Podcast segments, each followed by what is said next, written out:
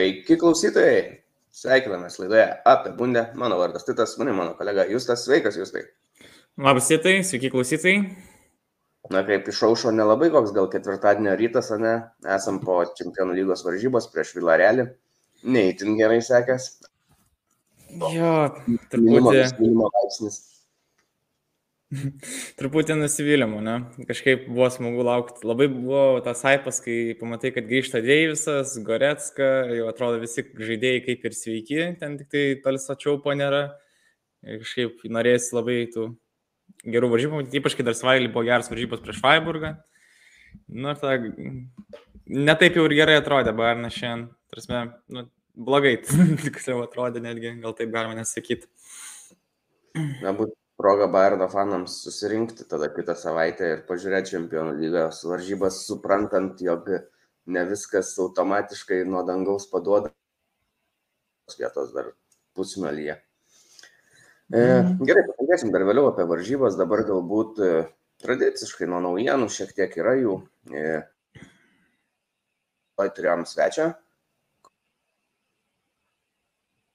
Stebėti Bundeslygos varžybas, tai turėjau su juo pokalbį ir mes kalbėjom daugiau bendrai apie jį, apie pačią Bundeslygą, ka- kas mums patinka, kas nepatinka ir panašiai. Tai rekomenduoju pažiūrėti tą pokalbį, yra YouTube, Spotify, Podvinė, Apple podcastuose. Jis yra nesenstantis, nesvarbu, kad buvo prieš savaitę, bet kaip mes sakau, nekalbėjom apie varžybas, tai visada gali būti aktualus tas pokalbis. Va, ir reiškia, kad nebuvo tada toj laidoj naujienų, tai dabar aš jas paskelbsiu, kai kurios gali būti jau senesnės, bet nieko, vis tiek kai kurios yra pakankamai svarbios. Tai su finansais Bundeslygos klubai sudėtingais finansais ir šiame sezone. Mes buvom kalbėję, jog Bayernas gali keisti savo transferų politiką, tai kažkiek tai lies ir kitus, nes Jolmas jau dabar paskelbė, kad kitą sezoną greičiausiai turės mažinti savo biudžetą apie 20 procentų. Eintraktas pasaulyje nutraukė savo bendradarbiavimą su Kasperski kompanija, jinai kurdavo programas kompiuteriams antivirusinės. E, tada Fonsu Mensa ir Frimpongas iš Bayerio abu gavo traumas, abu žaidžia gynybos dešinėje. Tai čia buvo gan skaudus praradimas, nes na, ta pozicija buvo ir užpernai gan ir pernai ir užpernai viena tokių skilėčiausių, tada buvo įsigyti abu šie žaidėjai ir dabar vėl jie abu gavo traumas ir gavo, žinai, tokiai svarbiausiai sezono stadijoje. Tai. Ir pakalbėsim, nes tai atsiliepia iš tikrųjų ir jau čempionų e, Europos lygos varžybose jiems. E, Gyjo gynėja 24 metų kamerūnietį Jeromą Anguenį iš Salzburgo e, nemokamas bus šitas perėjimas vasarą ir jisai žais Eintrachte sutartį turės e, iki 27 metų. Tai gan ilgas kontraktas, toks į ateitį mastant visai neblogas gali būti pastiprintiems gynybą, ži- žiūrint, kad na, kai kurie gynėjai jų centrai jau, jau, jau vis vyresni tampa ir bus suolo gilis geresnis. Tai nežinau, turbūt tiek e, tų naujienų galim galbūt eiti prie Europos lygos, tai jinai seniausiai įvyko, mes ne, ne, ne truputį neaptariam e, antrų varžybų, kur žaidė Bayeris prieš Atalantą ir Eintraktas su Real Betisu. Tai Bayeris iškrito, tai kaip minėjau, kadangi traumas buvo patyręs Frimpongas, nors kuris pirmose var- varžybose mane ir nuvylė, bet jis vis tiek yra svarbus žaidėjas. Fosumensa irgi patyrė traumą. Tada žinom, kad prieš tai turėjo traumą jau Vircas, Patrikas Šikas. Na tai, žodžiu, vieni svarbiausių žaidėjų buvo traumuoti. Tai Bayeris tiesiog, kadangi senai buvo, aš taip jau smulkiai manau, mes nenagrinėsim tų varžybų. Bet čia ir buvo tos pagrindinės priežastis, nes, na taip, atrodė dar pusę velnio, bet jie ir antras varžybas pralaimėjo 1-0. Pirmas buvo irgi pralaimėję, tai tiesiog Atalanta tai tom dienom buvo geresnė komanda. O Eintraktas laimėjo savo pirmas varžybas prieš Real Betisą. E, Bet, na, nebuvo ten dar viskas garantuota. Ir ant, antros varžybos, na, tai buvo labai geras žiūrėti žiūrovui. Nežinau, matei jūs tai jas? Ne, dėja, ne. Tai viskas ėjo link to, kad buvo lygus rezultatas. Eintraktas pirmas laimėjo 2-1, tarp kitko. Antras žaidė Frankfurte ir buvo 0-0 ilgą laiką varžybų rezultatas, abi komandos turėjo tų progų visai neblogų, bet jau kai atrodė, kad ta pergalė bus čia pat arti, tai Real Betiso žaidėjas Iglesijas 90 minutę įmušė įvartį, kadangi nebeskaičiuoja namų išlukos įvarčiai, tai buvo einama į pratę. Rezultatas bendras per abi varžybas buvo 2-2. Ir atrodė visą pratesimą jau aišku, komandos tokios ir pavargusios, bet vis tiek iš tų paskutinių jėgų bėga. Ir atrodė, kad jau, na, nieko nebebus, bus 11 metrų baudiniai, o tada jau neaišku, kas čia laimės. Bet 121 minutę e, buvo užskaitytas savas įvartis Rodrygėsui nuo Kostičiaus perdavimo ir Eintraktas išlygino rezultatas 1-1 ir bendras rezultatas tapo 3-2. Bet aš pažiūrėjau, tą įvartį kartais ne Hinteregeriui buvo prirašytas, ten kažkaip ten jis tikriausiai Kostičius užkėlė, mušė su galva, aš mačiau tas tas ir kažkaip ten atšoko tada, ne? Ja, ja, ja. Kosmosas. Ten. Ir Hinteregeris ten buvo tokių, kaip, nežinau, galim sakyti, kad galbūt tas įvartis į Eintrakto vartus prieš tai galbūt ten Hinteregerio galima sakyti, irgi tokia klaidelė visai buvo.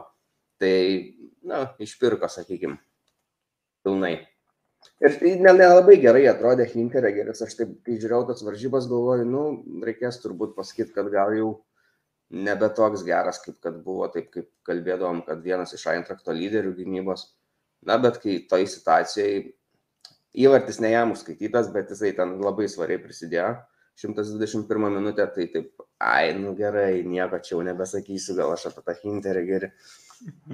Tai va, džiaugiuosi, kad pateko Eintraktas ir kadangi Bayeris nebeliko, Leipzigas buvo automatiškai patekęs jau į ketvirtfinalį, nes Spartakas buvo išmestas. Tai turim dvi vokiečių komandas Europos lygos ketvirtfinalyje, tai bus Eintraktas ir Leipzigas na nežinau burtai galim sakyt kad gavo na eintrachtas turbūt šiuo metu vienas stipriausių varžovų kokį galėjo gaut. O leipcigas irgi stipru ir jau pažįstama tą pačią atalantą gavo leipcigas tai bus įdomu pažiūrėt kaip kitas vokiečių klubas tvarkysis su ja ir aš šiaip manau kad gali tvarkytis geriau šiuo metu nes neturi tų traumų visi svarbiausi praktiškai žaidėjai yra sveiki ir tas suolo gylis geras labai ir matėm, na, Bundeslygoje, ką daro Leipzigas šiais metais. Tai manau, kad Atalantai bus sunkiau negu prieš Bayerį dabar. Mhm. Kaip tau ši pora atrodo, kokios prognozijas? Dėl Leipzigo Atalantos. Aha. Nu, manau, kad bus tikrai apilgesnės komandos, bet nesu tikras, ar Leipzigas sugebės jas laimėti, bet tikrai, kaip ir minėjai, tris mes šansai turėtų būti geresni negu Leverkusen vien dėl to, kad Leverkusenas, kaip žinom, be savo visų kūrybinių ir polimo lyderių buvo. O Leipzigas šiuo metu visai karštos formos yra, kaip matom, gali net ir Dortmundą taip gerai suvystyti. Įdomu, kaip tik atrodys visą tai, kai bus jau įtemptesnės varžybos dvi. Vienas išvykoje. Pažiūrėsim. Manau, visai aš optimistiškai žiūriu. Na, nu, aišku, čia tikriausiai bus didesni šansai čia Leipzigui prieš Atlantą negu Frankfurtui prieš Barceloną dabar žaisti. Mhm. Vat, įmetu vaizdelį, tai Leipzigas, skaičiuojant tik šios kalendorinius metus, Bundeslygoje turi daugiausiai taškų surinkęs, daugiau negu Bayernas. E, kita pora, tai na, įspūdinga bus irgi ir Eintraktas labai laukia e, Facebook'e, socialiniuose tinkluose.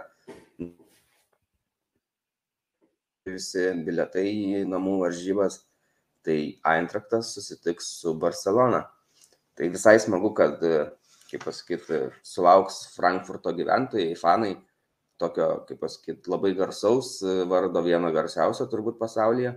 Ir mes galbūt prieš porą mėnesių būtumėm sakę, kad ai, visai gal geras variantas, šitą Barceloną dabar nieko gero, mhm. bus jaukus, bet labai greit situacija pasikeitė, kai atėjo Čiavi treniruot komandą ir e, įsigijo keletą naujų žaidėjų, tai dabar ta Barcelona yra visai kitokia matėm ir kaip prieš Realą žaidė. Mhm. Ir, ir, ir, ir lygoje jau visai kitas vaizdas. Tai bus nelengva tikrai. O Jo, dar aišku, Barcelona čia jau yra antrą, man atrodo, vietą pakilo lygoje, kai anksčiau ten dar varžėsi ir turės čempionų lygos vietą, tai dabar panašu, kad jau pakankamai garantuotai bus. E, Europos lygoje dar prieš tai Napolį įveikė, kas yra šiaip irgi visai, visai stiprus klubas, žiūrint tai, kad jie dabar Italijoje dar varžosi dėl serijos A titulo vis dar. Ir kas smagu dėl Frankfurto, kad jūs ir gali gasas būtent pamatyti Barceloną, nes jie, bet man tinka, kad Frankfurte jie turi tą tikrai labai užsivedusi fanų bazę, kurie labai aršiai vaikštas varžybas. Ir dirba labai greitai. Jo, ir tas net išvykas varo. Aš net manau, kad labai daug Frankfurtas ir gali bus ir Barcelonai ten. Jie dažniausiai net sugeba nuvažiuoti išvykos varžybas ir nutildyti vietinius ir galius. Va čia man Frankfurtas, ko man išsiskiria net Bundeslygos kontekstą. Kad jie būna pasiruošę dabar plus pilni stadionai leistini Bundeslygoje, kas yra labai gerai. Tai net jeigu nelaimės čia Frankfurtas, jie gal čia pasispardys, bet bent jau smagu, kad tikrai bus uh, šou žiūrovams, fanai to tikrai ten, kada būna proga pamatyti Barceloną, Frankfurtą. Ir kaip atsakai, dėl bilietų, tai man atrodo, net paraiškų dėl bilietų buvo išsista kažkur apie 140 tūkstančių, kur čia daug daugiau negu yra stadione wow. vietų. Tai matosi, kad žmonės labai nori pamatyti šitas varžybas ir labai smagu dėl jų, ypač dėl būtent šitos priežasties. Ir dėl šitos priežasties buvo kilę ir šiokių tokių nesklandumų, nes iškart atsirado žmonių, kurie norėjo iš to pasipelnyti, mhm. perpardavinėti bilietus ir jau buvo. Spaudoje daug vokiškai rašė, kad policija rimtai žiūrės į šitą reikalą, bandys gaudyti, kad na, nebūtų nesąmonių, nes jau situacija buvo pasiekus tokį lygį, kai e, tu galėjai e, pirkti išvykos varžybose Barcelonoje bilietą VIP ir jisai būtų buvęs vos net pigesnis negu kad perpardavinėtojai bando dabar Eintrachtą parduoti bilietus. Tai tokia nesmagesnė ta to pusė, bet na, manau, kad žmonės pratingi, tai žino, kad už tokią kainą, kas susidūrė, žino, kad nereiktų pirkti tokiam kainom bilietų. Jo, susidomėjimas didelis, smagu, po poros metų, man atrodo, pertraukos Eintraktas gauna vat, kažkokį tarptautinį varžovą pilnam stadione. Prieš tai buvo Čelsis turbūt gal pusfinaliai. Jo, Čelsis.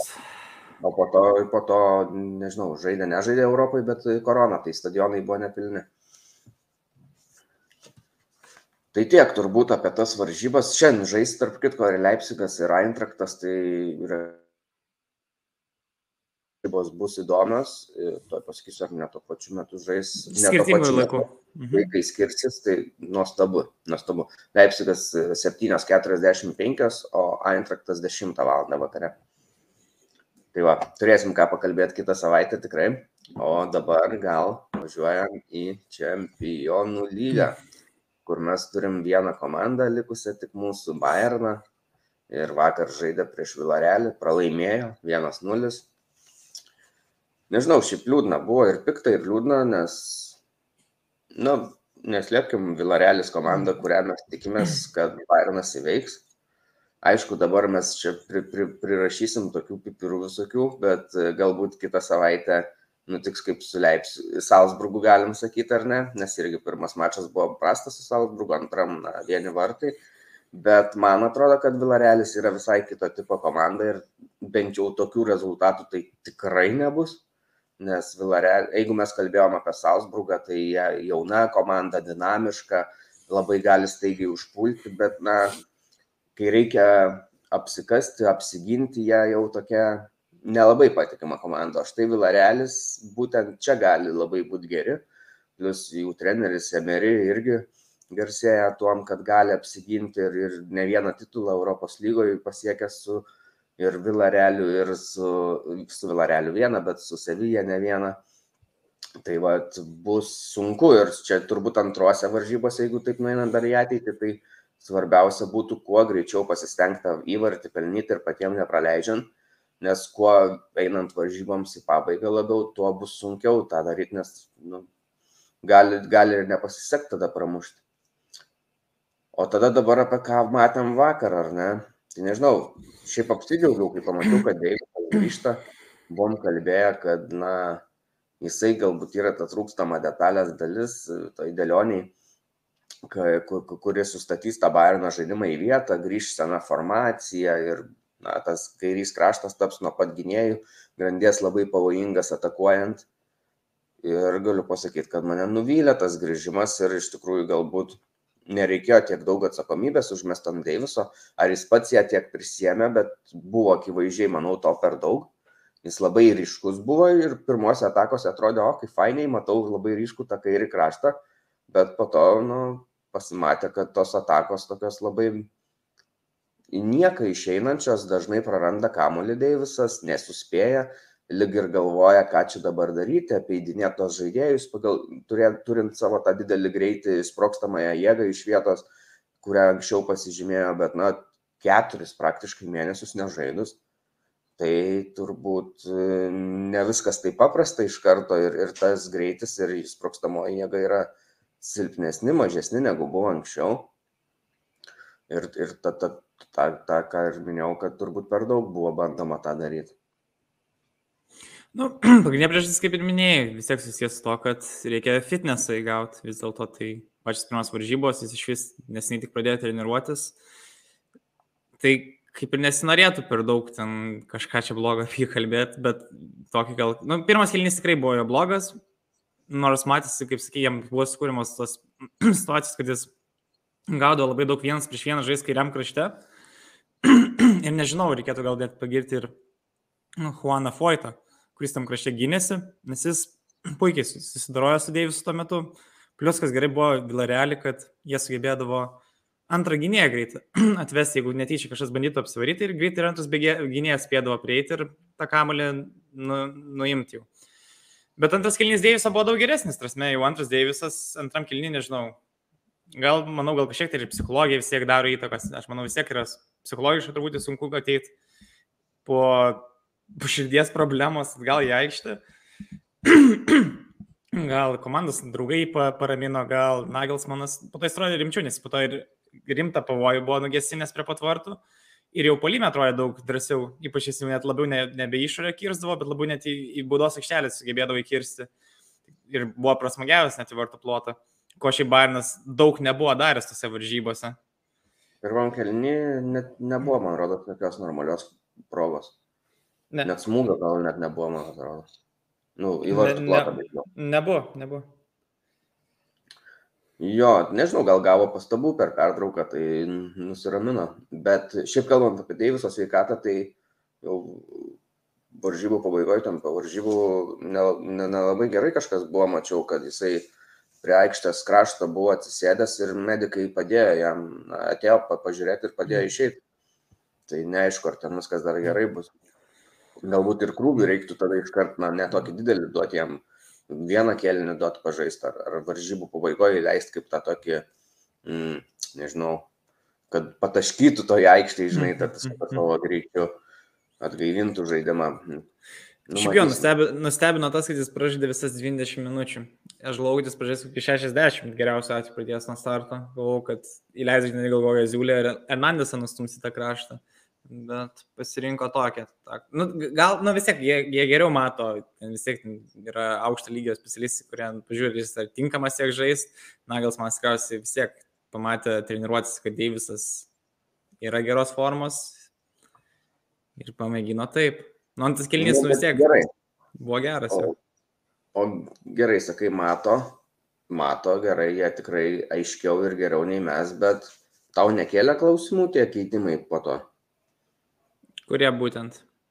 Nežinau, man įdomiai pasirodė Ziulės į pavarą, tarsi, kaip pasakyti, Ziulė išėjęs visai neblogai atrodė, gerų kamolių užkėlė tam krašte, bet e, tai galbūt kažkur tada ir reikėjo startuoti su Ziulė, jeigu jis praktiškai geriau atrodo.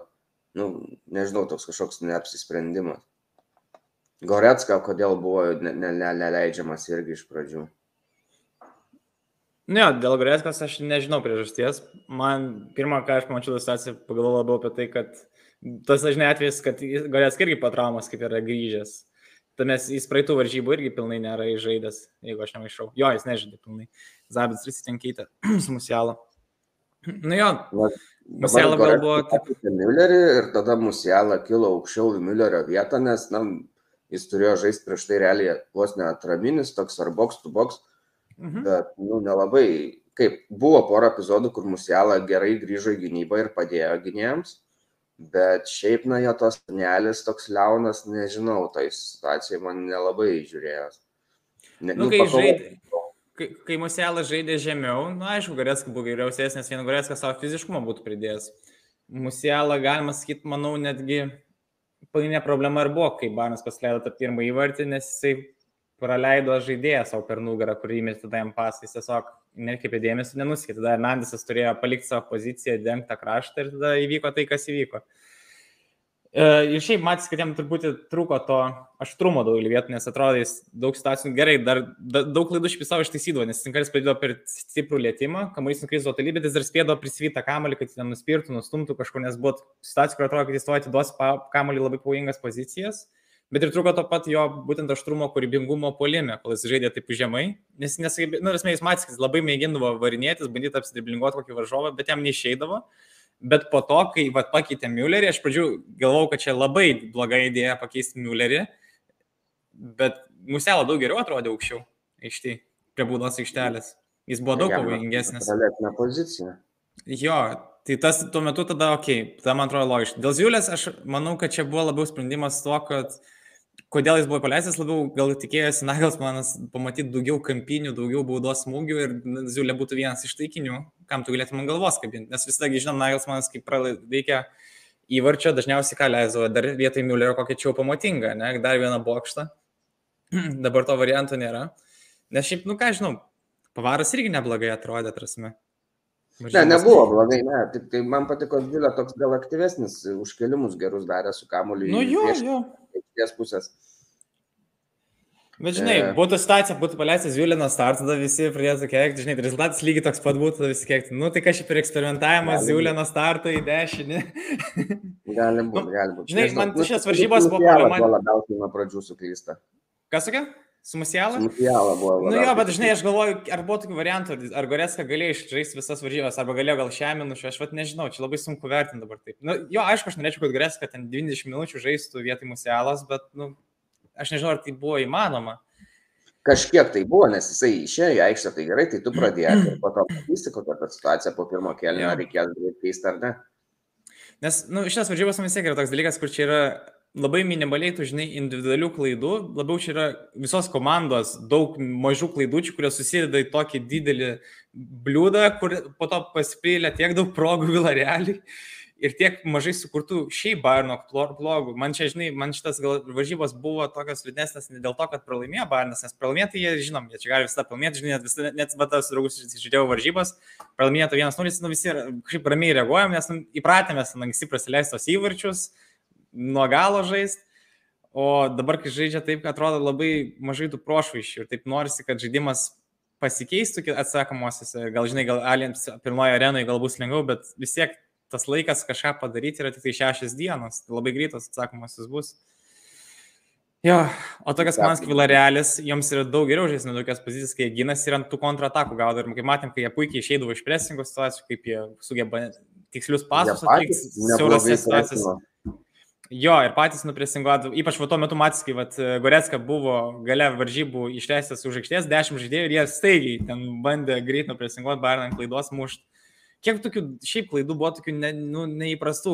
Upė Mekano, ten mačiau vien, bent jau vieną gerą blogą pasą, atsimenu. Noirio pasai, kokie buvo, kai kurie prasti, tas met ten vos neįvarčiai irgi pasivė nuo vidurio aikštės. Tai prasme, nu, Noirio, buvo... aš nesupratau, tas perdavimas, tu grinai vos neįkojas varžovui. Nu kodėl? Tai visą laimę, kad jis nepataikė, bet arba, nu gerai, ir tas antras įvartis, kur buvo po nuošalės.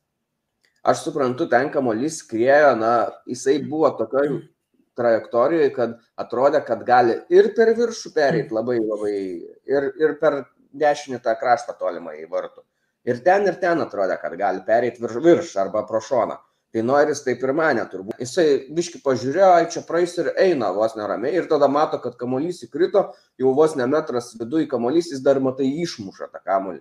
Nu tai atsisnubėkite tą kampą ir laukia, jis tai praeis, praeis, jeigu net laikysi. Nesuprantu. Nu, okei, okay, tu gali nespėt, bet jisai net nesistengia bėgti iki galo tą daryti. Tai čia man nepatiko tos dvi situacijos.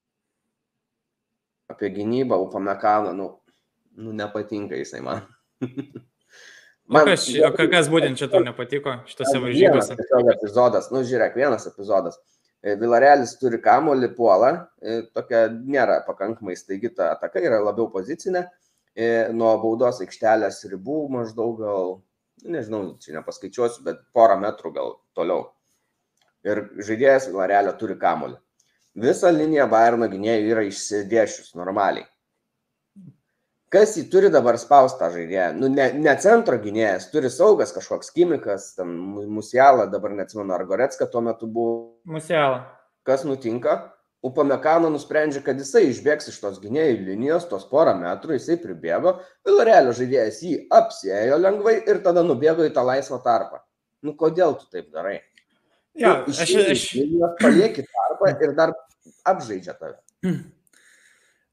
Aš šitą situaciją atsimenu, tai aš vat, ją ir atsimenu kaip du tokius blogius Sopo Mekano. Tai va šitą situaciją, kuris pasavo tiesiog labai tokį atmes, atmesina realiai Vilarealio žaidėją.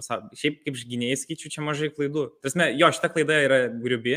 Gal net problema ne tai, kad jis išbėgo, gal labiau problema tai, kad jisai labai užspaudė vieną specifinį pusę ir jį dėl to lengvai tiesiog pasimitė iš šono ir nu, nu, nuėjo, tiesiog iš inercijos jį pasiliko. Bet ateina problema, man atrodo, čia visa problema yra Bayerno tame, netgi uh, kad yra labai atjungta visa saugų grandis nuo gynybos. Tarsi pas mus visi gynėjai, staigiai, tarsi du pasai ir jau prieš gynėjų liniją yra žaidžiama.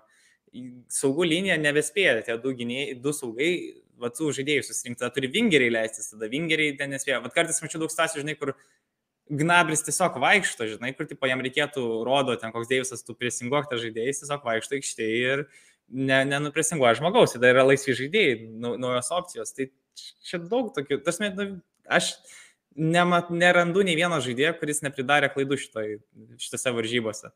Nu, užtat Gnabri nori didesnio kontrakto. Nu, tai natūralu, kad visi nori. Ne, tai visi net komanda čia prastai atrodė. Tasme, kiek tu matai komando pavojingų situacijų? Tasme, gerai, antram kelinį gale, jau kai jau spaudė, jau kažkas darėsi, tai, bet realiai visą tą laiką iki tol, nu, neefektyvus buvo.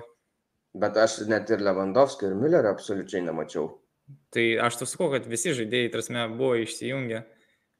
O dėl tos e, komunikacijos tarp gynybos ir saugų, tai po tų keitimų pirmųjų dviejų, tai įdomiai buvo, kad net Kimikas man retkartais pasirodydavo, kad nuolatos ta gynyba grįžta vos ne į liniją, gynėjai kartais net įsijungia. Tai toks, nu ir po to lieka vienas tada Goretska ten prieki realiai ir, ir sudėtinga kažką daryti. Nežinau, Žinai, kas dar buvo problema, aš galiu pasakyti, va, dar kas man labiausiai gal net strigo, atsimenu, man labai, aišku, čia tikriausiai yra Villarealio nuopilnas, jie sugebėdavo, kai, ba, jie, nu, tarkim, prarasdavo kamalį polime ir Barnas nesugebėdavo labai daug kartų išeiti iš savo baudos aikštelės. Atrodo, jie bando žinėti ir neina. Ir tas, merė, tas kamuolys vienai per kitaip naina jų užlybę arba naina Villarealio žaidėjų kojas. Uh, ten tikriausiai, sakyčiau, gal net tiek, tasme, aišku, čia bus miksas, ne, ir Barnas žaidėjai tikriausiai labai nerasdo to opcijų, bet kartu Villarealis gerai ir išpresingavo. Nes tikrai buvo tų momentų, kur atrodo, reikėdavo kokius tris kartus bandyti žaisti nuo galo, kad išeiti iš savo baudos aikštelės, nes pastoji tas kamuolys arba išeidavo į užrybį, arba prarasdavo tiesiog kamulio kontrolę. Ir atrodo, tada tu net negali normaliai to tako daryti. Ir tada bando, labai daug matys, bandė Barnas pult tais aukštais kamuoliais. Labai daug aukštų kamuolių paleistų, ant tų kontratakų bandė gauti, bandė kelt, ant galvos kelt, kur neįmanoma, kai jie turi tos bokštus pasistatę su būdos aikštelį, tvarkingai gynasi.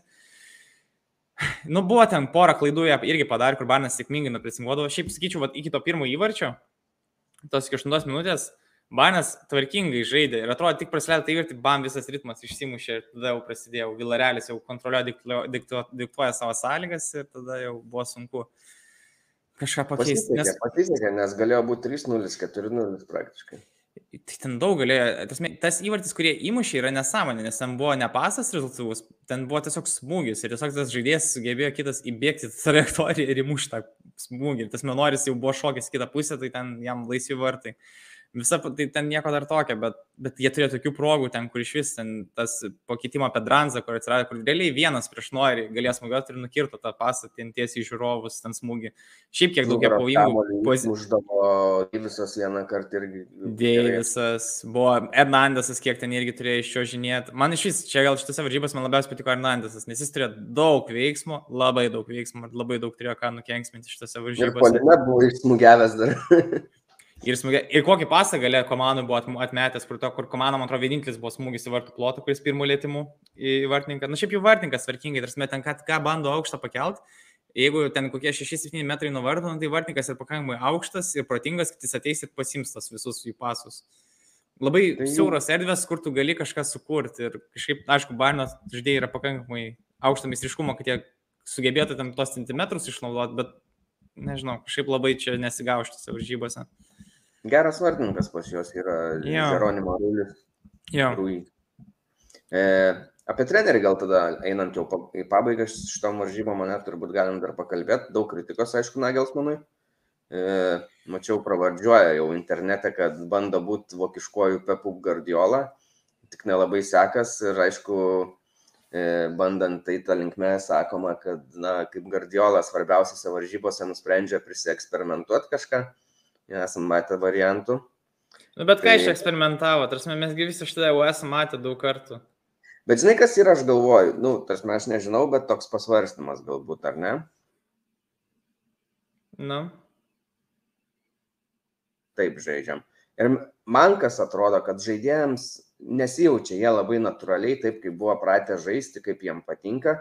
Ir kai tai taip, tai taip, jie galbūt kartais jau, nu, ta galva nebesupranta, ko, ko, ko nori iš jų treneris ir darai ne tai, ko nori ir gaunas, nu, kas gaunas. Man atrodo, su tokia komanda reiktų leisti jai kuo daugiau žaisti laisvai pakankamai. Nu, gal galima duoti laisvės, bet, žinai, mes turėjom tokį trenerį, kuris davė labai daug laisvės, ten kaip Ančeloti ir kas iš to, tai irgi nelabai būna kažkas gero. Nu, aš manau, vis tiek jie turi polime, bent jau tikrai daug laisvės turi, jie tiesiog turi kažkokią rolę, ne, kad ten Deivisas vienam krašte, Komanas kitam krašte ir ten centre tada pasirenka, net tas pusvidės Mülleris su Zane, ten ar Gnabrius dalina ir ten Lewandowskis turi, nori, gali su jais kitaliuotis su to savo centru. Nu vis tiek jie turi kažkiek tos laisvės. Nes, nu ką iš eksperimentavimo, tas mes Deivisą, kad pastatė į kairį kraštą, čia nie, niekas iš mūsų nesakytų Deiviso startą, uh, nežinau, Musialą, nu bet gerai, tarsi mes nežinom, ar galėjo Gaurėską žaisti tiek daug. Nu gerai, galėtum, galėjom Gaurėską keisti. Bet mes Musialą matėm daug varžybų, kai žaistų toj pozicijai, tarsi čia nebuvo jo net nei penktos net varžybos, kaip jis žaidžia šitoj pozicijai, jis net surinkti net čia žaidžia toj pozicijai. No, o kas daugiau? Bet gerai, vienas, vienas žaidėjas. Žinai, sprašiau būtų eksperimentavimas, tipo, nežinau, sugalvotų kokį pavaras traminių saugų žaistų ten kokių, nežinau, į saugų grandį ten nusileistų, o gynėjas musialą, žinai, koks tam, polė, arba su falsnaim musialą, kaip vietoj Lewandowskio, nu, tipo, gerai, va čia sprašiau, eksperimentavimas kažkas, ko dar nesam matę. Bet nu, mes vis šitą šitą jau esam daug matę ir, tarsi, tai veikia. Nu, pamatysim varžybų, jeigu, jeigu nu, bus pralaimėta, tai Tada kitaip kalbėsim. Nežinau, nu, ką čia kalbėti, nes, nu, pralaimėsim, pralaimėsim, aišku, Vilarelį nereikia irgi per daug nuvertinti, nu, esmė, jinai gerai struktūrizuota komanda, jinai neveltui įveikė ja, Juventusą, išėjo iš savo grupės, laimėjo Europos lygą prieš Manchester United, tada tai... Nu, aš manau, čia problema yra, nežinau, ar žaidėjų motivacija, ar kas, aišku, treneris irgi prisideda prie motivacijos tokiu atveju. Bet labai pasimetę atrodė tose varžybose. Man čia atrodo ne kažkas taktiškam lygmenį blogo, kiek yra tiesiog žaidėjų galvas buvo išskraidusios, nes, nu, kiek pasų buvo atiduota laisvai tiesiog žaidėjams į kojas. Ten kiek buvo nusivaryti be, beprasmiškas situacijas, kur po to nieko nereikia daryti, tiesiog kai prarasta kamolį. Nu, tiesiog. Klausimas, kodėl taip daroma? Tai va, va, tai va, čia gal main dalykas. Nes aš ar jiems yra liepima, tu atlik pasą ten varžovui, ne į kojas. Čia gal nėra erdvių, kur pasą padaryti, tada vat, gal ateina problemos, ar kažkaip per daug kompaktiškų visi dėlioja žaidėjai neišsisklaidę, nežinau. Įdomu, Aišku, bus, pažiūrėsim, bet viską galėsim pavertinti, bus, ar bus, kaip atrodys atsakymas, ne? nes jeigu atrodys visas vaizdas lygiai toks pat, nu, tai reiškia, nieko nebuvo padaryta, tada, okei, okay, tikrai Nagels mano klaida, ne, nes nieko nesugebėjo pakeisti tipo, per laikotarpį. Gerai, tai yra kalbų įvairiausių, jog tiek Nabri bus nepratestas, tiek ir Lewandowskis gali išvykti, gal net į Barceloną. Tai tokios kalbos irgi turbūt neprideda rūbiniai kažko gero. E, nežinau, ką tu apie tai manai, nes apie Gnabri manau, kad realiau, nors mes iš pradžių kalbėjom sezono pradžioje, kad čia jokios bėdos forma paskutiniu metu nebuvo itin gera. jeigu būtų prarastas tiek Gnabri, tiek Lewandowskis, tai man atrodo, du Bayerno lyderiai prarandami. Žaisti Bayerną nori išvykti kažkur kitur, tai jau čia yra bėda, aš matau. Ir kitas dalykas, kad juos tada reikėtų kažkuo, tada reiktų būtinai prastesti, aš manau, Lewandowskį nusipirkti jauną, kad jisai galėtų prie Lewandowskio žaisti kaip atsarginis, kol priprastų ir po to išvykus taptų pagrindiniu. Kodėl šipsais? Nieko, nieko, ne, viskas gerai. Šitą... Uh, nu, matai, su Gnabriu pasikeitė situacija tai, kad komandas prasidėjo kontraktą. Tuo metu buvo ta situacija, kad atrodė, kad Gnabris gaus tikrai tą kontraktų pratesimo, o komandas išvyks iš Barno. Dabar gausi taip pat virkščiai, nes, nu, vis tiek, žinom, kad esminė dalis čia nėra kažkokia dėl konkurencijos, ar kad žaidimo laiko, ar statuso klubo, čia pinigas klausimas yra pinigai, iš esmės. Nu, ir komandai yra siūloma pakeltą algą, bet jis nori daug didesnės, nu, tai žiūrėsim, kaip išspręs tai, ar jie prieis kažkokią kompromisą, ar vis dėlto Gnabris bus parduotas. Dėl pakeitimų mes jau daug ką esam kalbėję, ne, ar tai Rafinė, ar tai Antony, ar dar kas nors. Tų variantų yra. Dėl Lewandowskio, tai aš manau, visiškai nerealistiška. Tarsi, aš įsivaizduoju, kad tikrai band, bandoma jį galėtų būti nusiviliuoti, bet be šansų jį, kad išsiviliuotų, aš manau, nes čia su Leonos yra tas kitas klausimas, kad dar Bairnas nepa, nepasiūlė jam to kontrakto pratesimo. Kaip Bet aš kaip suprantu, ten gali būti bėda tame, jog Bairnas siūlo mažesnį laikotarpį negu Lewandowskis norėtų, nes jisai kaip pernai sužaidė geriausią savo karjeros sezoną ir sako, jeigu aš tik dabar sužaidžiau geriausią, tai reiškia, aš dar bent porą, du, tris metus tikrai galiu žaisti aukščiausiam lygiui. Bairnas galbūt siūlo ten kokius vienus metus tik tai. tai va, ne, aš, aš, aš manau, čia bus tas Bairnas siūlo du metus, Lewandowskis trys ir tada, man atrodo, čia bus išsprendžiama taip, kad arba vienas iš jų, pas... man atrodo, čia kompromisas į tai, kad arba pasirinks e, vienas iš jų tipo kažką, arba vienam bus duotas sąlygos ant metų, kitam bus duotas sąlygos ant kontra šito atlyginimo, nes tikriausiai tiek Lewandowskis norėtų ir aukštesnio atlyginimo negu ką turi dabar. Aš taip įsivaizduoju.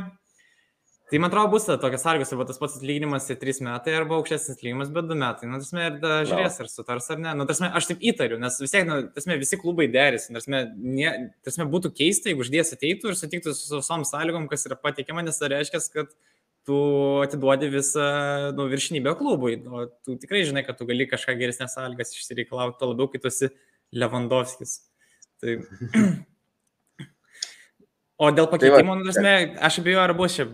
Man atrodo, čia bus tokia situacija, kad kokius metus turėsim, arba su labai prastu polėjų pažaisim, arba tik kažkada vėliau ateis tas geresnis polėjas, nes aš neįsivaizduoju gerą polėją žaidžiančio po Lewandowski. Tiesiog, nu, tiesiog laiko negautų žaisti žmogus ir tobulėti.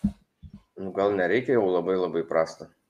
Nu, aš nesakau labai prasto, tarsi Ne, tai kad žemesnis lygis gali būti, tai lyginant su Lewandowskiu, bent jau iš pradžių tai faktas, nes tu turi aukščiausią lygį. Na. O kažko tam brangaus Bairnas nepirks. Tai vad turėjom klausimą, Tomas, vat, mūsų ekranuose matom porą žaidėjų. Mhm. Tai ar tie Jakso vaikinai bent kažkiek mhm. pakeistų Gnabrį, tai aš net nežinau, ar jie nelabai ir keistų Gnabrį galbūt. Net ne tos ne, vis, ne visiškai tą, tą pačią poziciją. Aš, aš, aš vienintelį dalyką, ką įsivaizduočiau, dėl ko aš galėtų būti šis klausimas, tai bent jeigu Bairnas žaidžia trys gynėjais, tai tuomet galėtų Mazraui žaisti tam dešiniam krašte mhm. vietoj Gnabrio. Nebent aš taip įsivaizduoju. Tokius atvejus, tai aišku, galėtų pakeisti. O Gravenbergas, nu jis tai ne, jis vis tiek labiau bus, labiau kalbėsim tikriausiai apie Toliso pakaitalą. Taip, nes Toliso vėl turi traumą ir mm. turbūt gana bus. Jo, čia labai liūdna. Labai liūdna žaidėjo likimas. Atrodė, vis turėdavo tokių prašviesėjimo, atrodo, laikotarpis, kai gali gerai žaisti ir pasoja tas traumas įvalgo. Ir... Nenustebino tavęs vakar, kad Roka išėjo žaisto, ne Zabiceris. Mm. Ten, aišku, esmė buvo, kad kuo greičiau įleisti kažkokį žaidėją, nes Goretska buvo, turėjo kraujo. Ja, man atrodo. Ir na, turėjo bet kas eiti žaisti, bet, bet, bet nu, tarsi, ir tas, ir tas galėjo eiti, ir Zabiceris praėjusiam turė įmušė savo pirmą Bundeslygos įvartį už Bayerną. Tai toks lyga ir turėtų būti užmotivuotas, pasitikėjimo įgavęs būti. Nu, bet ramas, ten 40 sekundžių atini pažaisti, ten leidėjau bet ką. Ką žinau, Roka gal fiziš, fiziškesnis, ką žinau, ten vis tiek labiau esmė buvo neprasileisto situacijų tiesiog. Jo, jo, jo.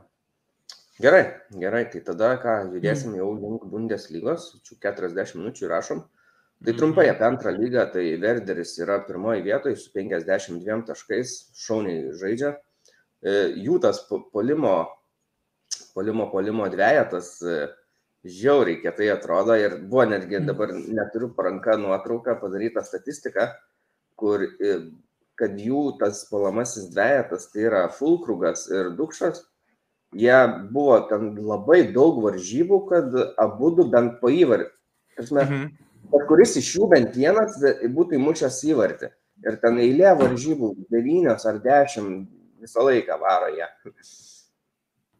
Tai va, o Fulkrugas yra ir, ir Verderį labai jau senais laikais žaidęs, po to buvo mhm. išvykęs truputį, tai va toks grįžimas yra galbūt padės komandai į aukščiausią lygą atgal užlipti. Nu, jo, jų šansai gerai atrodo visai. Verdi. Labai įdomi kaip antra lyga šiemet. Ten, uh, ant, tai va, sakau, tada antra vieta yra Darmštadas, turi 51 tašką, reiškia, tik tašku atsilieka nuo Verderio. St. Paulis treti dabar yra irgi su 51 tašku, tai lygiai su antra vieta ir vienu tašku nuo Verderio atsilieka. Ketvirtoji vietoje su 50 taškų Šalkė, tris pergalės iš eilės dabar turi, tai atsigavo, nes buvo truputį pakritę į penktą, šeštą vietą jau.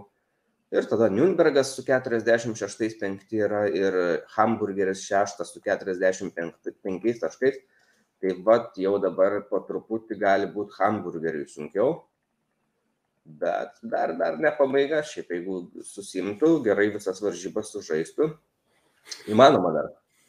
Ja, bet kaip žinom, su Hamburgu dažniausiai skaityk pirmas varžybos yra geriau sekasi negu galė sezono, aišku, nebent gal dabar kažkas pasikeitė. Nes dažniausiai jie visada stovėdavo ant patekimo į Bundesliga laiptelio ir per pasinės varžybas prarasdavo tą poziciją. Ir dabar artimiausios varžybos kelios tom pirmom komandom bus labai svarbios ir įdomios. Šiaip galima per Vieplėjų irgi stebėti antrą lygą Bundeslygos.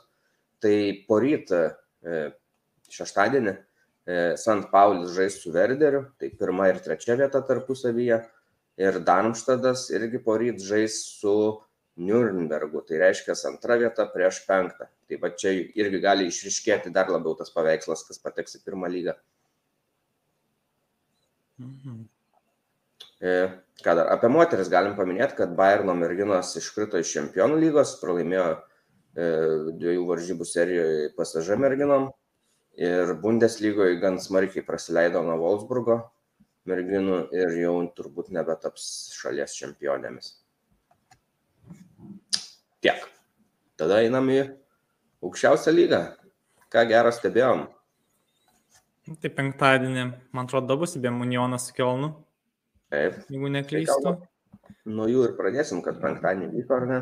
Mhm.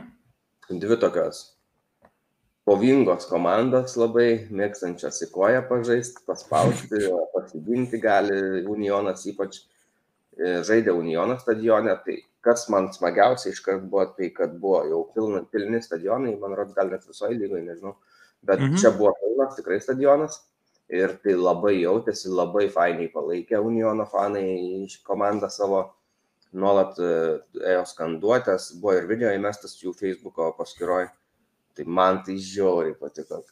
Tas palaikymas atrodo, nu, visai kitas vaibas ant varžybų eina, kitaip stebėti. E, pačios varžybos, ar ne? Tai nemažai buvo, e, kaip pasakyti, fizinio žaidimo. Daug geltonų kortelių visai gauta buvo, šešios per varžybas. Ir Unionas laimėjo 1-0 tas varžybas e, pelnytai. Kielnui gan sunkiai sekėsi kurti savo progas, nedaug smūgių atliko, bet aišku, reikia paminėti, kad jiems trūko jų pagrindinio to polimo lyderio modestės, vietoj jo Andersonas žaidė, tai jam geriausia yra, kai yra užkeliami aukšti kamoliai, kokia baudos aikštelė, jis yra aukštas labai žaidėjas, gali juos susirinkti ar mušti su galva. Mm, nežinau, šiaip trūko, trūko, trūko to Kielno per kraštus gero judėjimo, negalėjo ir Šmicas žaisti, nežaidė jisai dažnai žaidžia dešiniai gynyboje. Tai vietoj jo žaidė Eksibė. Šiaip nebuvo labai blogai, bet, bet, bet Šmitas tai man šį sezoną labai patinka. Ir Hektoras kairiai gynyboje tai gan silpnokai atrodė jau. Nežinau, ar jam čia tokios varžybos, atkarpa gal prastesnė, bet, bet, bet jau, jau, jau tas 31 metas, kai reikia greitai jungtis į atakas visokias, pradeda sunkiau daryti sezono pabaigoje, atrodo. O Unionas tai pelnytai, kaip sakau, manau, kad laimėjo. Įmušė Vonį tą savo vieną įvartį ir pasiemė tris taškelius. Ką tu galėtum tas varžybas papasakoti? Nu, tai ką reikia pasakyti, gal kad esminė klaida čia buvo Hektoro pasas vartininkui prastas. Padarė per nelik trumpą. Ir Avonyje kažkaip labai greit sureagavo. Jis ten iš karto pamatė, kad jis tik ruošiasi jau pasidaryti, iš karto jau bėginėjo į tą zoną ir nusėmė kamolį ir atliko tą puikų smūgį. Kaip ir minėjai, Unionas tikrai turėjo daugiau progų, geresnių progų. Galėjo gal tikriausiai net ne vieną įvartį čia parsivežti. Mhm. Kielnas nors ir kaip savo jam įprasta kontroliuoja daugiau to kamulio, mes žinom, kad Kielnas pakankamai sugeba su kamuliu žais, problema tai, kad gal, nežinau, ar modestas rūko ar ko, bet nebuvo to pavojingų progų, tiesiog nelabai, kad ten sugebėjo sukurti.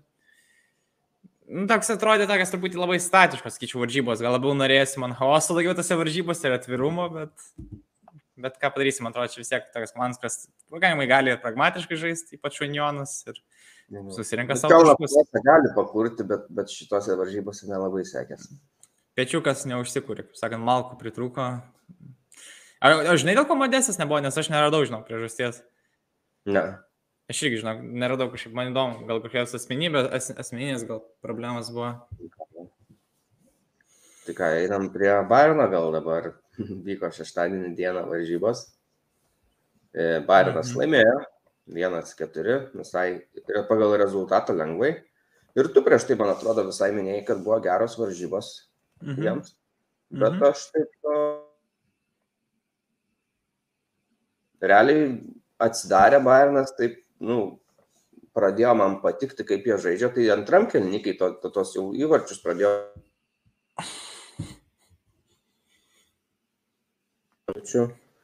Bet uh, Tai jo, antram, ai, antram kelnį apskritai po, po antro įvarčio, va tada man pradėjo patikti Bayernas, o šiaip tai prieš tai pirmam kelnį ypač, tai Freiburgas tobulėjo ir gerai kūrė ir atrodo Bayernui netaip gerai sekas. Nu tai reikia tikėtis, kad Freiburgas gali kažkiek atžaisti Bayernai. Nes žaidė rinktiniai dabar per, per draugiškas varžybas ir į Dortmundą sakoma, kad gali turbūt pakilti, tai šiaip klydo jaunuolis, reiktų pripažinti. Ir, ir, ir apžaidė jį kelis kartus Barino žaidėjai ir po vieną. Tai dar trūksta. Mhm. Žinau, gal tu turi kažką apie pirmą kelnį tada bent jau pradžiai. Nu, ką žinau, kaip minėjai, Freiburgas buvo per ilgesnės varžybos pirmam kelinį. Bet, nurasme, aš sakau, reikėtų iš Freiburgo to ir tikėtis, kad jie turi bent kažkiek sugebėti Bayernui atsižaisti, tasme, jie ir daug pavojingų situacijų turėjo, bet kad tokių šimtaprocentinių progų, kažkokių va, didelių, didelių šansų, nu aš nepamenu. Man atrodo, jie buvo nugesinti dar, kol jie besivystė. Aišku, jie atsigudurdo pavojingose gal pozicijose, bet kad sukurtų smūgį iš to, nu, nebuvo to. Kamulė, aišku, kontroliavo viskas gerai, Barnas šiek tiek daugiau. Bet tiesiog, aišku, žinai, jie daug geriau gynėsi pirmą kėlinį, gal tas dalykas, ne? nes tuo metu, kaip minėjai, ir Šlioterbekas tada geriau atrodė, mažiau tų klaidų buvo, e, ir kiti gynėjai, ir, ką žinau, viskas atsidarė kaip skeip po pirmų įvarčių, bet tokie ir, būna, tokie ir būna dalykai, kai komanda labiau gynasi, nu, jiems tas esminis kritinis lūžis yra ta, kai jiems reikia pradėti žaisti vytis rezultatą, nes, met, žinai, net tas pats būtų ar su Vilareliu, ne, jeigu jiems reikia vytis rezultatą, jie nebegali taip kompaktiškai gintis, nes jie turi daugiau žmonių siūsti į priekį, tuomet jie patys tampa pažydžiamis į kontratakom, o ten, ką iš standartinės situacijos pirmas įvartis kryto, ne, iš būdos smūgio pakelto Goretskai tiesiai gražiai ant galvos. Ten gal net, sakyčiau, gal net ir vartininkas turbūt padarė klaidą labai keistai, išbėgdamas realiai Goretska atsidūrė prieš vartininką, įmuždamas įvartį su galva. Mm. Ir čia buvo šiaip dabar čempionų lygoje, tai antrą kartą iš eilės varžybos, kai žaidėjas išeina nuo suolo ir dar nesibaigus varžybom vėl atgal yra pasakymas. Aišku, čia ne trenerio yra bėda, čia žaidėjai tiesiog atsiprašau. Nu, čia nepasisekė. Freiburgas šiaip irgi trečią jisai jau įmušė įvartį, išlyginamą įvartį po kieno kito, jeigu ne Günterio perdavimo. Ir šiaip Petersonas, va, ką pamiršau naujienose pasakyti, neužsirašiau, bet mačiau, pratęsė kontraktą, tai va, baigęs tos kalbos, kad gal išvyks negaudamas laiko. Mhm. Visai smagu. O po to atsidarė tą Pandoros skrinę, 73 minutę Pandoros skrinę Freiburgui, nes pradėjo prasileidinėti tos įvarčius ir, ir, ir 4-1 toks, na nežinau, ar labai atspindintis tą varžybą eigą rezultatas. Jeigu imti antrą kelnį, tai jo, bet, bet bendrai tai nelabai. Jo, tas tiesa. Šiaip ir... irgi Barno žaidėjas Gnabris irgi tiesiai po keitimo iškart. Jo, 70 daugiaus, nes ir po to atliko jisai naudingą rezultatyvų perdavimą, tai tas tokias galvojau kalbas gal pritildys apie jo tą blogą formą ir panašiai, bet vat, kad po to čempionų lygoje vis tiek nelabai gerai gavos. Jo, e, įdomu, kad čempionų lygoje jis jau nuo starto žaidė, čia jis po, po suolo kilo, kai mes esame įpratę. Ir ten jis labai techniškai buvo nusimetęs tą kamalį, kur Hernandesas jam užkėlė, ten iš Šloterbek tą pasiguldė, gražiai pasimuždamas, mažai sakys, trumpais lėtymais. Tai gerai atrodė tas smūgis. Komandų ten, Upė Makanų koks pasas, kai komanda ten išlaisvino, ar komandas į artimą į kampą smūgiavo. Labai geri smūgiai buvo būtent mhm. šitų dviejų žaidėjų. O, nu, ketvirtas ten labai hosas jau ten vyko, ten kai mušė tą ketvirtą.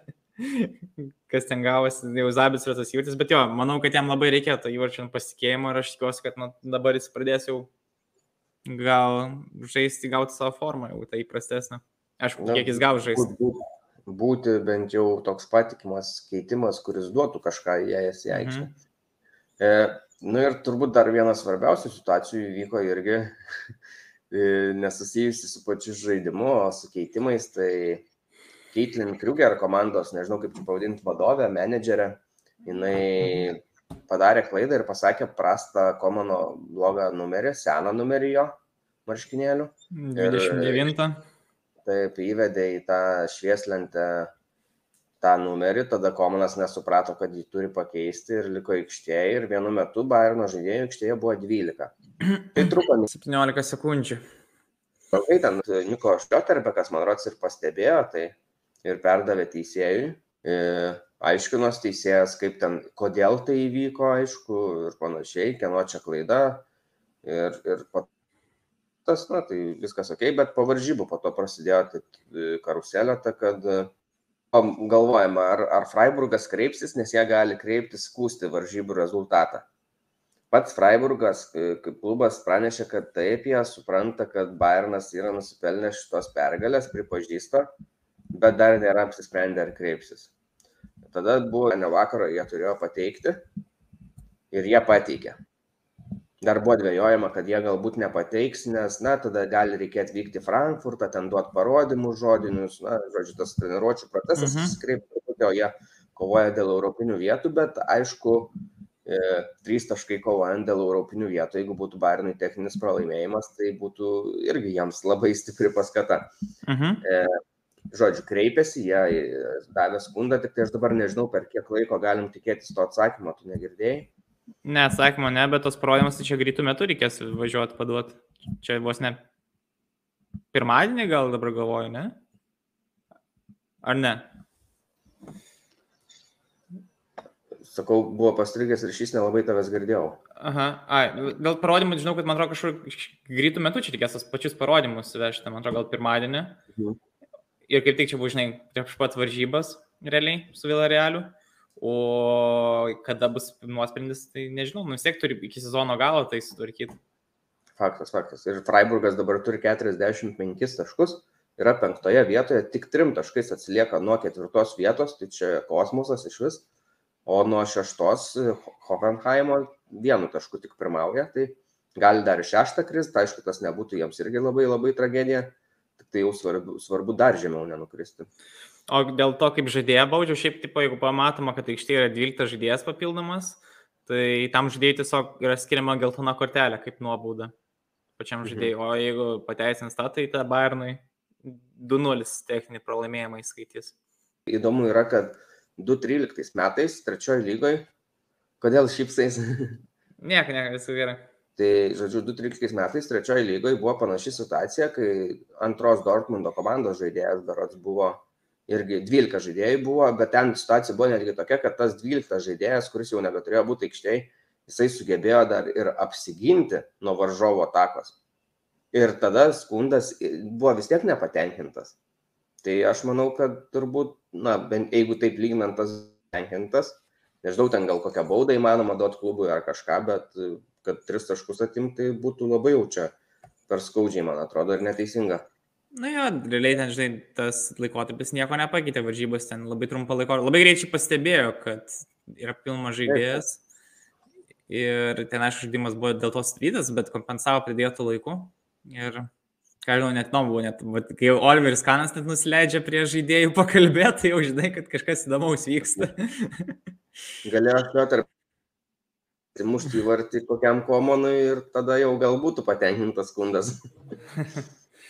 Jo, nu, pažiūrėsim, matai, aš skiriasi, matai, trečioje Bundeslygoje turbūt kita vadovybė, tai trečia Bundeslyga jau pačiam DFB atsako, pirma, antra Bundeslyga ten turi atskirą tą visą struktūrą, tai pažiūrėsime, kaip bus, koks precedentas.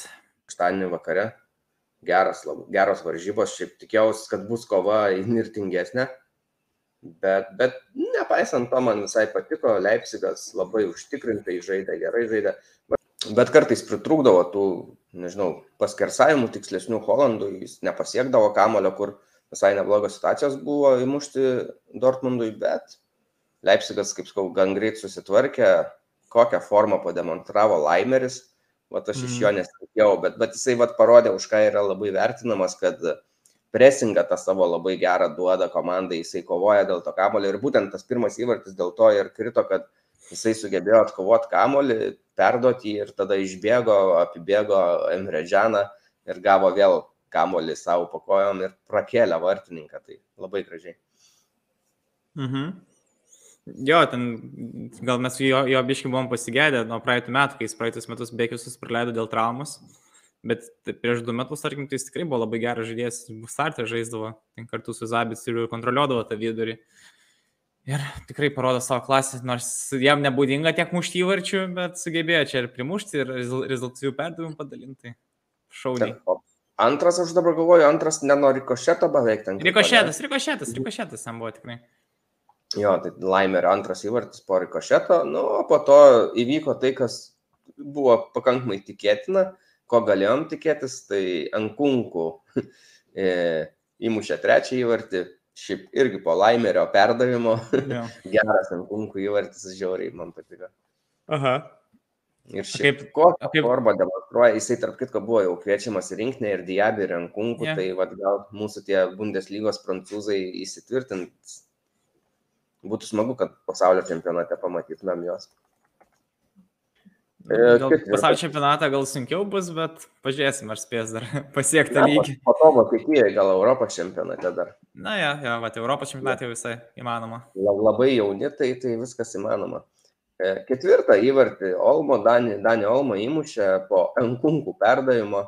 Irgi geras įvartis ten tokia, nuo, nuo, nuo, nuo aštangos, devynkė nuo skersinio gerai ten kryto kamuolys gerai užsuko. Nu, jis daug erdvės turėjo, jį ten rado, jis ten joks Dortmundo gynėjas nespėjo prisvyti. Ten labai košmariška Dortmundo gynyba buvo. Emre Džanui buvo labai blogos varžybos. Ten košmariškai įdraskė.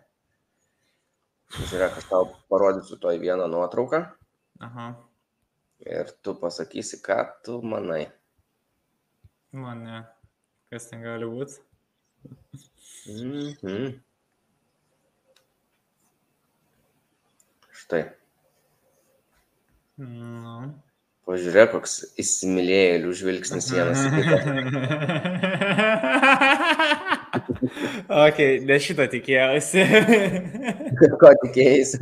ne, nežinau, aš kažkaip buvau kažkaip iš varžybų aikštelį, kas įvyko, čia už aikštelės matau veiksmas. Jo. Tai va, nežinau, nežinau, Rozė man, aš, aš tau sakiau prieš sezoną, kad jis man nelabai ką įrodęs ir nelabai aš daug ko tikiuosi, tai kol kas nieko gero. Nieko gero. Bet, bet, bet labai keista, kad tiek daug e, trenerių pakeitė savo darbovietės ir pasiteisinusių labai sunku ras kažkokių. Mm. Nors, nu, nors, nors, vis, nors, nors, tarkim, nors, nors visi treneriai, tarkim, praeitose darbuose nu, laikomi buvo labai aukštos lygio, aukštos klasės perspektyvos. O dabar toks visi nurašomi, va, būtent per šį sezoną jau. Nu, Glasneris taip jau išlipo, sakykime, iš dobės, Europos lygoje neblogai žaidžia, tai va, jisai jau, jau, jau taip visai gal nieko, antram sezone bus gal gerai. Bet Rozė, mm -mm, Nagelsmanas irgi neįtikina kol kas. E, Adi Hateris, na, čia iš vis reiktų patilėti turbūt jau. Aš, aš žinai, ką aš galvoju, e, tarp kitko, Gladbachas, mes abu šitų varžybų nežinom, tai galim pasakyti, kad vienas vienas yeah. sužaidė su Mainzu. Yeah. Tai Gladbachas, jie turbūt neiškris, bet ką reikėtų padaryti, tai turbūt po sezono atleisti trenerį. Ai, dar lauksi. Nu, nu, ten jo, ten, ten labai blogai. Gladbachas. Dabar kitas, kitos varžybos su Furto Grauther. Nu, jeigu ten nepaės, tai šakės. Nu, gal jau taip blogai nebus, bet esmė, kad nu, komanda jau visą sezoną nefunkcionuoja. Jie sugeba Bayernų išrašyti, bet visi, prieš visus kitus barsto taškus baisiai. Gladbachas turi 34 taškus, yra 12 vietoje. Ir šiaip aš kiek žiau, jeigu dabar neklystu iš atminties praėjusiam sezonė, komandos, kurios buvo ten 17-16, kur krenta arba peržaidžia, tai jos ir turėjo maždaug po 35 vidutiniškai, man rodos, taškus, ten 35, 34, tai reiškia, Gladbachas jau yra toj zonai, kur lyginant su praeitų sezonu užtektų, jeigu dar laimės kokias vienas varžybas, užteks, kad, na, neiškristų. Mhm. Tai ok, ir tada reiktų kitą sezoną mąstyti kažką. Jo, bet žiūriu, kad abu sezonai, vieni už kitą blogesni, praeitą sezoną aštuntyje kokie buvo, kas jau pagal jų pajėgumus buvo prastai. Ir jie pabaigoje tik sugriuvo antroji pusė sezono praeitą. Jo, o dabar iš viso antroji lentelės pusė sėdi. Flirtuoja su iškritimu, bet, na, aišku, jie tikrai neiškris, be šansų. Ne, neturėtų.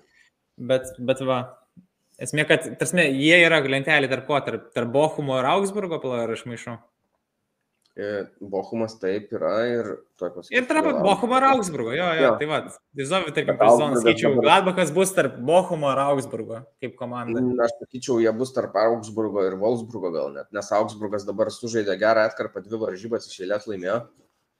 Tai kažkaip atsigavę jaučiasi ir, ir jie dabar irgi jau iš tos iškritimo zonos bėga. Tai čia mažėja vis komandų, Štutgartas gali iškristi, Hertha gali iškristi. Fiurtas tikrai iškris. Mhm. Arminija irgi labai prastą atkarpą žaidžia. Ja. Čia iš penkių varžybų nei vienų nelaimėjo ir tik vienas lygias ten. Tai va, e, gerai, nuėjom čia link Gladbacho, bet dar truputį apie Dortmundą aš norėčiau tavęs paklausti. Tai va, to įmėsiu dar vieną nuotrauką, ką manytum, manytum apie tokį vaizdą kitais metais. Ai, na, rodyk jau. Kas ten bus. Nustebins, manau, vėl mane. Nu, pažiūrėsim, pažiūrėsim. Štai.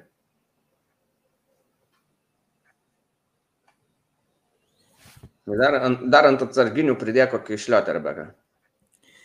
Tai kad manau, gal net Šoterbekas gal ir startė žaisti tokioje komandoje, nežinau kaip. Ir, ir, ir čia, aišku, ne mano nuotrauka yra, tai ir aš dar Emre Džaną, žinoma, pakeičiau kokiu, nežinau. Dahudų. Kitų žaidėjų, Dahudų. Dahudas. Reikalauja Vicelių, bet, nu, va. Jau ir Vicelis, žinok, jau man atrodo, jis jau paliks komandą po šio sezono. Gali įtariu. Bet Dahudas tikrai būtų geriau už Džaną. Ne, ja, čia ne mano nuotrauka, tai. Net nežinau, dėl Malino gal ten geriau net Azaras, tarkim, koks ar Brandas, bet jo. Taip, bet taip, šiaip... irgi sutinku. Jo, nu, įdomu. Bet aš nesis, tarkim, atrodo gražiai, bet tarkim, aš neįsivaizduoju, kad jie išleis tiek pinigų. Aš, aš, aš nemanau, kad Wernerį paims. Aš abejoju, ar išleis. Aš net jau dėl ADMI yra dviejonės, ar jie mokės tą sumą Zalzburgui, kokias jie nori.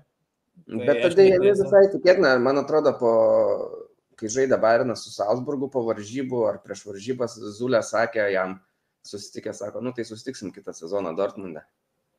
Kalbėjo. Čia kam taip sakė? ADMI, Zulė, ADMI. Ai. Ne, tik suprantu, Dėmė, tai jis labai nori Dortmundą atvykti. Čia problema, kad Salzburgo vadovybė nori atitinkamos sumos už jį, kad Dortmundas. Na, žiūrėsim. Jeigu Holandą parduoda, aišku, bet dar Sančio gal tų pinigų dar yra užsilikę, nu, tai gali tada, aišku, suinvestuoti. Dėl Wernerio, nu, būtų įdomu, jeigu jie skubėtų iškrapštyti, įdomu, iš kiek paleistų Čelsis į taip.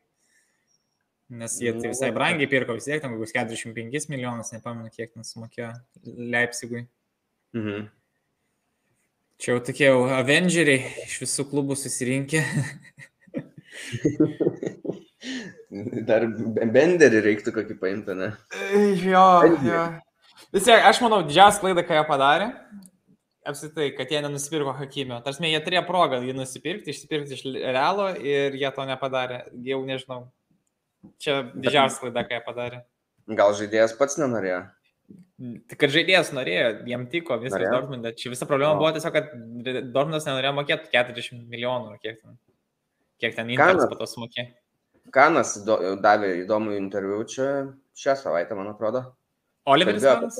Jo, jo, jo, kalbėjo apie tos finansus, apie Bundesliga ir atotrukį tarp komandų, kokios bėdos yra. Tai Nu, truputį nuramino mane dėl tos transferų politikos, nes e, sakė, kad dar kokie dešimt metų turėtų Bayernas visai dominuoti, būti ta ryški jėga Europoje, Bundeslygoje. Tik tai sakė, reiktų kažką keisti su Bundeslygos finansais, gaunamam pajamom, ypač iš užsienio, nes atotrukis yra pernelyg didelis finansinis nuo Anglijos klubų, tarkim, Anglijos lygos. E, čia net nekalbama apie investuotojus ar ne viską, o kalbama, kad ten lyga kiek generuoja tų pinigų klubams. Taip. Tai Bundeslygoje ten, aš nežinau, gaunas 150 ar virš 100 milijonų maždaug, kas yra gan maža suma, jeigu tu lyginsi su Anglijos klubais, kur jie tą lygą sugeneruoja apie 2 milijardus. Jo, bet, bet aš manau, kad, na, nu, aišku, galima mažinti tą atotrukį, bet prisivyti tai čia iš vis be šansų, tiesiog vien kalba, ne. Vien kalba, Taip. klubai, nu, premjerė visai kita specifika. Kad, kad čia paimsi ir prisiginsi, žinoma, kad ne, bet, na, tarkim, lyginant ir su Ispanijos e, tada lyga, žinai, na, vis tiek tas atotrukis per didelis yra. Matai, tai- Ispanija tai... dar irgi kitas dalykas, žiūrėk, kiek yra ispana kalbių valstybė, realiai tu domino visoje Latino Amerikoje. Ten Barcelona Realas yra dideli brandai, dabar Atletiko gerai įsivais. Nu, gerai, Atletiko, bet kaip koks Dortmundas, ne, kuris gerai išmarketingavo per paskutinį dešimtmetį. E, nu, vienintelį dalyką, ką gali, Vienintelį ką dalyką gali... Dortmund... Yra viena kalbamiausia. Jo, o vienintelį dalyką, ką gali aplenkti uh, Bayernas, šitą Bundesliga, tai Italija. Bet no, gal ir lenkia, man atrodo, Italija pagal užsienio pajamas. Vat nežinau dabar dėl Italijos, bet, nu, bet žodžiu, nu, bet kokiu atveju, reik, kadangi yra mažai, tai reikia stiprinti. Tu neprisiginsi, bet tu turi vis tiek stiprinti. Ir Bayern e, Kanas kalbėjo apie tai, kad gal, nu, tokios kaip ir kritikos truputį davė tai lygai, kad per, per mažai galbūt įdedama pastangų ir panašiai, tai tada gal reiktų leisti klubams atskirai, patiems savarankiškai e, kažkaip daugiau tą lygą ar, ar, ar bandyti propromautinti per klubus tą lygą. Nu, žodžiu, kažkokius mhm. kiek mechanizmus, kad būtų laisviau Nes... žiūrima. Nes šiaip, man atrodo, daugelis dalykų taip ir taip yra daroma, dažnai yra anglų kalbos transliacijos. Ok, yra marketingas per socialinius tinklus. Nu, nebent kažką kitaip bandyti, jau kažko jau nežinau, ką čia dar galima daryti. Nu, tikriausiai ir yra, kai manoma daryti tas reklamas, kai stumdyt ten mokamas kažkur, ne, tiksliniams, tiksliniam auditorijai. Aišku, apie tai nebuvo kalbama, bet jeigu įmant kitų lygų pavyzdžius, tai, na, žinom, kaip būna su Ispanija, kad būna varžybos ar taurės, ar kas žaidžiama kartais užsienyje. E, super taurės ten yra žaidžiama. Super taurė. Tai va, tai kažkokių tokių gal netgi variantų. O, die, bet žinai, kurie žaidžia tas super taures. Tarsi, tu nori, tu nori, kad į Saudo Arabiją važiuotų, tarsi, tu nori šis Bayerną į Saudo Arabiją žaisti, aš nežinau, man tai iš vis čia. Aš nenoriu, bet, bet aš galvoju, ką jie, ką jie gali turėti omeny ir ką jie gali daryti, aš tiesiog svarstau. Nu tai jo, bet, nu, o dėl, aš nenorėčiau šito. Man, ne, jau ten svarstė La Lyga kažkada prieš kokius, nežinau, penkis metus, jie norėjo El Clasico Miami'e žaisti. Jau buvo iki to nusikėlę. Tai, mhm. nu, yeah. Bet ten tas galis, kad nuboikotavo. Turnyrus kokius pasidaryti galvat. Ne, tai draugiškas tam yra skirtas, bet, nu, ne, aš neįsivaizduoju, man labai prastai tai atrodo. Man, tarkim, nepatinka, nes ir Serija A, ir, ir Ispanija dar tą dalyką, kad jie važiuoja į Saudo Arabiją, jie žaidžia tą savo super taurę, tada jie dar padaro tą išplėstą super taurę, kur žaidžia keturios komandos, netgi, ne, ne dvi tai dar papildomų varžybų. Tikriausiai gal tiesiog, kad remiate, kažkiek tikriausiai numeta jums pinigų tą Saudo Arabiją ir ja, ja. viskas ar pasibaigia. Aš nežinau, vis tiek tai populiarumo nepadidina. Tarkim, nu, Anglija tokia. Ang, Ang, Anglija tokia. Gerai. Pradėti palaikyti, pirkti atributiką, dar kažką. Saudo, Saudo Arabijoje ten žaidėjai, vis tiek eina žiūrėti žmonės, kurie jau žino, kas tos komandos yra. Čia nežinau, Anglija, tarkim, tokių dalykų nedaro ir jie vis tiek yra lyderiai. Ne, bet Anglija čia jau kitas reikalas. Na, na, nu, nežinau, man kaip tik yra šlikštu, va, tas važiuoti kitas valstybės, žais, tarsi, nu, yra vietiniais ir gali. Tam yra skirta ir taip, nu, yra užsienio tos čempionų lyga, Europoje, žais, jeigu patinka. Kalbėjo dar apie 50 plus 1, tai sakė, ne, nemato tikslo kažkokią labai naikintą taisyklę ir sako, nemanau, kad tai kažką pakeistų, nes e, mes ir patys kaip klubai esam nusistatę tas nuostatas, ne vien tik kad lygoje. Ir sako, kad, na, pažiūrėkime į pasažą, pažiūrėkime į City, jiems tai negarantuoja kažkokių tarptautinių laimėjimų. Žinom, kad tie klubai nėra laimėję dabar nieko, jau daug metų, kai atėjo investuotojai, nieko nelaimėjo. Ir kad kalba apie atotrukį tarp Bayerno ir kitų komandų, tai kad sako, na, buvo tokia situacija, kad šiais metais, pavyzdžiui, tą, tą vasarą, man atrodo, Bairnas buvo viena mažiau išleidus, na, ne, ne mažiausiai, bet buvo daug komandų, kurios aplenkė Bairną iš, išleistų pinigų sumoje. Bet čia kiekvienais metais tai būna. Jo, ir kad, ir kad kitos, kiti klubai, na, pavyzdžiui, ten Dortmundas ar kas, ir daug, daug daugiau uždirbo už žaidėjus. Na, tai reiškia, yra problemos ir kitur tose kitose klubuose. Jo, bet žinai, ten, kad nelaimėjo, nu, nėra taip, kad nelaimėjo ten pasažai ir sitis, jie laimi labai dažnai savo lygas, jie tiesiog dar nelaimėjo čempionų lygas. O kalbant apie tokį klubą, kuris yra išpirktas iš užsienio ir, ir išpumpuotas, tai mums čia nereiktų išvergyti. Londono Čelsis yra lygiai toks pat klubas kaip Sitis ar pasažai ir jie jau dvi čempionų lygas yra laimėję. Aš nežinau, kodėl kažkaip yra atskiriamas tas klubas nuo tų klubų. Yra... Ne, tai ne, jo mintis buvo, kad tai negarantuoja Nu, tai aišku, niekas negarantuoja. Kad, kad tu sakai, kad laimėjo lygas, tai Bayernas jau devynis metus ir dešimtą kartą laimės tą lygą, tai čia nesmė. Nu taip. Ir neturėdamas to. Nu, bet jie pasie irgi daugą. Nu, nu, nėra taip, kad tai, jie nelaimė nieko. Bayernas per 12 metų žaidė keturiose finaluose, iš kurių du laimėjo. Nu. Gerai, viskas, varom į pabaigą. E, kas dar, einam į sekmanio tada varžybas turbūt, ar ne? E, mm. Gal, ar atstebėjai kažką? Buvo Augsburgas 3-0 nugalėjo Wolfsburgą ir Gladbachas, kaip sakėm, 1-1 su Mainzu. Ką žinau, ką aš sakyti, tiesiog dvi labiausiai nuvylusios komandos šiais metais Bundeslygoje. Čia... Ai, Gladbachas ir Wolfsburgas turi minį? Jo, prasme, gesmink, kaip mes abu jie statėm, kad jie žais čempionų lygoje. Antrados kaip Wolfsburgą, aš sakiau Gladbachą. Taip, taip, taip. Ir nu, labai prastai. Tarsime, liko šešios varžybos, jų lubos nėra labai aukštai, ką čia gali pasiekti. tai... Ir nelabai kažką matau, kad nusišviesų kažkas geresnio kol kas jiems kitiem metam. Jo, Valsburgas tai mane žiauriai nuvylė, nes jie dar po kažkiek turų ten pradžioj visai neblogai varė, buvo pirmi. Augsburgas dabar, vat, kaip sakiau, gerą formą pagavę, iš tos iškritimo zonos truputį pabėgo. Mainzas šiaip prastesnės formą turi, bet jie po COVID čia atsigavę žaidžia daugiau varžybų ir vakar, tarp kitko, jie irgi žaidė prieš tą patį Augsburgą, irgi pralaimėjo. Tai, tai, tai pasiblogino savo, jau turbūt nekovos tikrai dėl Europos. O tada nekalbam tas varžybas, turbūt atskirai galim pasakyti, tai kad vat, Arminija vienas vienas sužaidė su Štutgartu. Ir e, šiaip tam buvo situacija, kai Klosas, vienas iš Arminijos lyderių, patyrė traumą.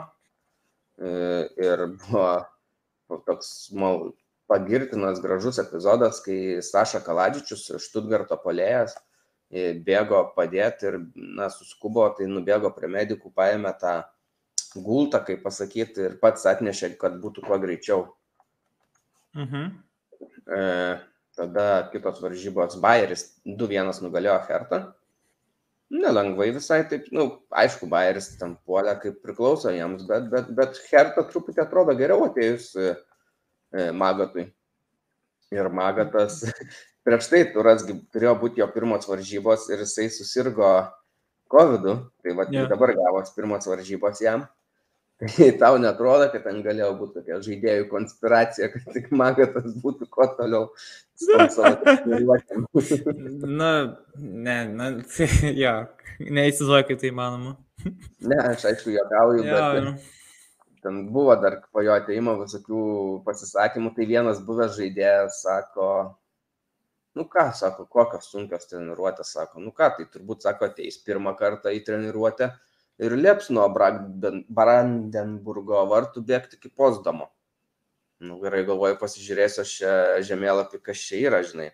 Na tai Mhm. atletui gal neipatingai daug, jeigu esi užsikaustęs, va, aukščiausio lygio žaidėjas, bet aišku, vien tik tokia treniruotė gal nekaip skamba, tai ten apie 30 gal kilometrų ar kiek. Nu Mhm. gerai, iš- išbėgtų turbūt, žinai. Tada jisai prideda, sako, ir atgal. Ok, jau čia daugiau, Mhm. ne, nekvepuojant. tai va, jo, bet jau žaidėjai sakė, gerai, gerai, pluša ten ir treneris kažkoks fizinio, man rods, naujas atėjo padėti. Ir kadangi Magatas e, negalėjo dalyvauti tose savo pirmose varžybose, buvo kitas už vairo komandos, tai buvo paskaičiuota, kad vienas Herto žaidėjas maždaug per, kiek čia per metus laiko, man atrodo, pakeitė, žaidė po aštuoniais treneriais. Atspėtum, kuris? Herto žaidėjas, kuris? Mhm. Mm. Šausiu, bet ką, čia turbūt veteranas jau kažkas. Nu, Re- Rekikas koks, nežinau. Ne, ne. Na, sakyk. Tai Sardaras, nes jisai prieš tai šalkiai. E, jo, oi, rimtai. Jo. Šalkiai atleidinėjo Truputį ne taip klausimas, supratau, bet ok, ok, ok. keturis, penkis trenerius ir dabar čia dar spėjo pasikeisti. Ir dar buvo paskaičiuota, kad e, per dešimt dienų e, Herto žaidėjai pažaidė po keturiais praktiškai treneriais, nes buvo korputas, Mhm. tada po korputo atėjo Magatas, tada Magatas susirgo, man rodos, jo asistentas buvo ir tada net asistentas su- susirgo ten fizinio vos ne kažkoks treneris buvo. Mhm. Žodžiu, smagiai jie ten, bet dabar viskas jau išgyjo, tai taip matysim dar vat, kitą savaitgalį pademonstruos galbūt kartą rezultatus kokius nors, prieš ką jie žais, toj pažiūrėkim. Prieš Unioną Berlyno derbis. O, tai čia labai geros varžybos, labai. Ir svarbios abiem komandoms. Tikrai rekomenduoju tada įsijungti šitas varžybas. Mhm.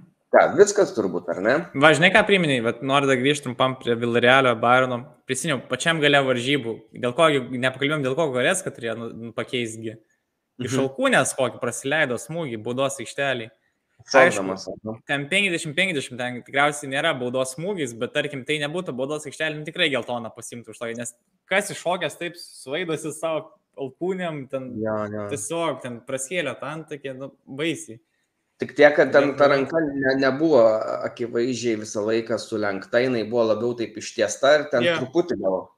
Ja, Tai va, ja, bet, bet, bet skaudžiai, aišku, skaudžiai. čia. Tai ką tiek, ar ne? Galim paanonsuoti tik tai, vat, kas bus savaitgalį, tai kaip minėjom, e, Unionas prieš Hertą, geros varžybos, tada Leipzigas prieš Hoffenheimą, čia irgi bus gerų gastrolių, man rodos, atakuojant iš abiejų komandų. Eintraktas su Freiburgu, Įdomi dvikova, neaišku, kas laimės. Na ir Bayernas, aišku, prieš Augsburgas, šitoks Bavarijos derbis vietinis. Mhm. Tai tiek. Ačiū, kad klausot, prenumeruokit mus YouTube, Spotify, spauskit like, subscribe ir iki kito karto. Iki. thank you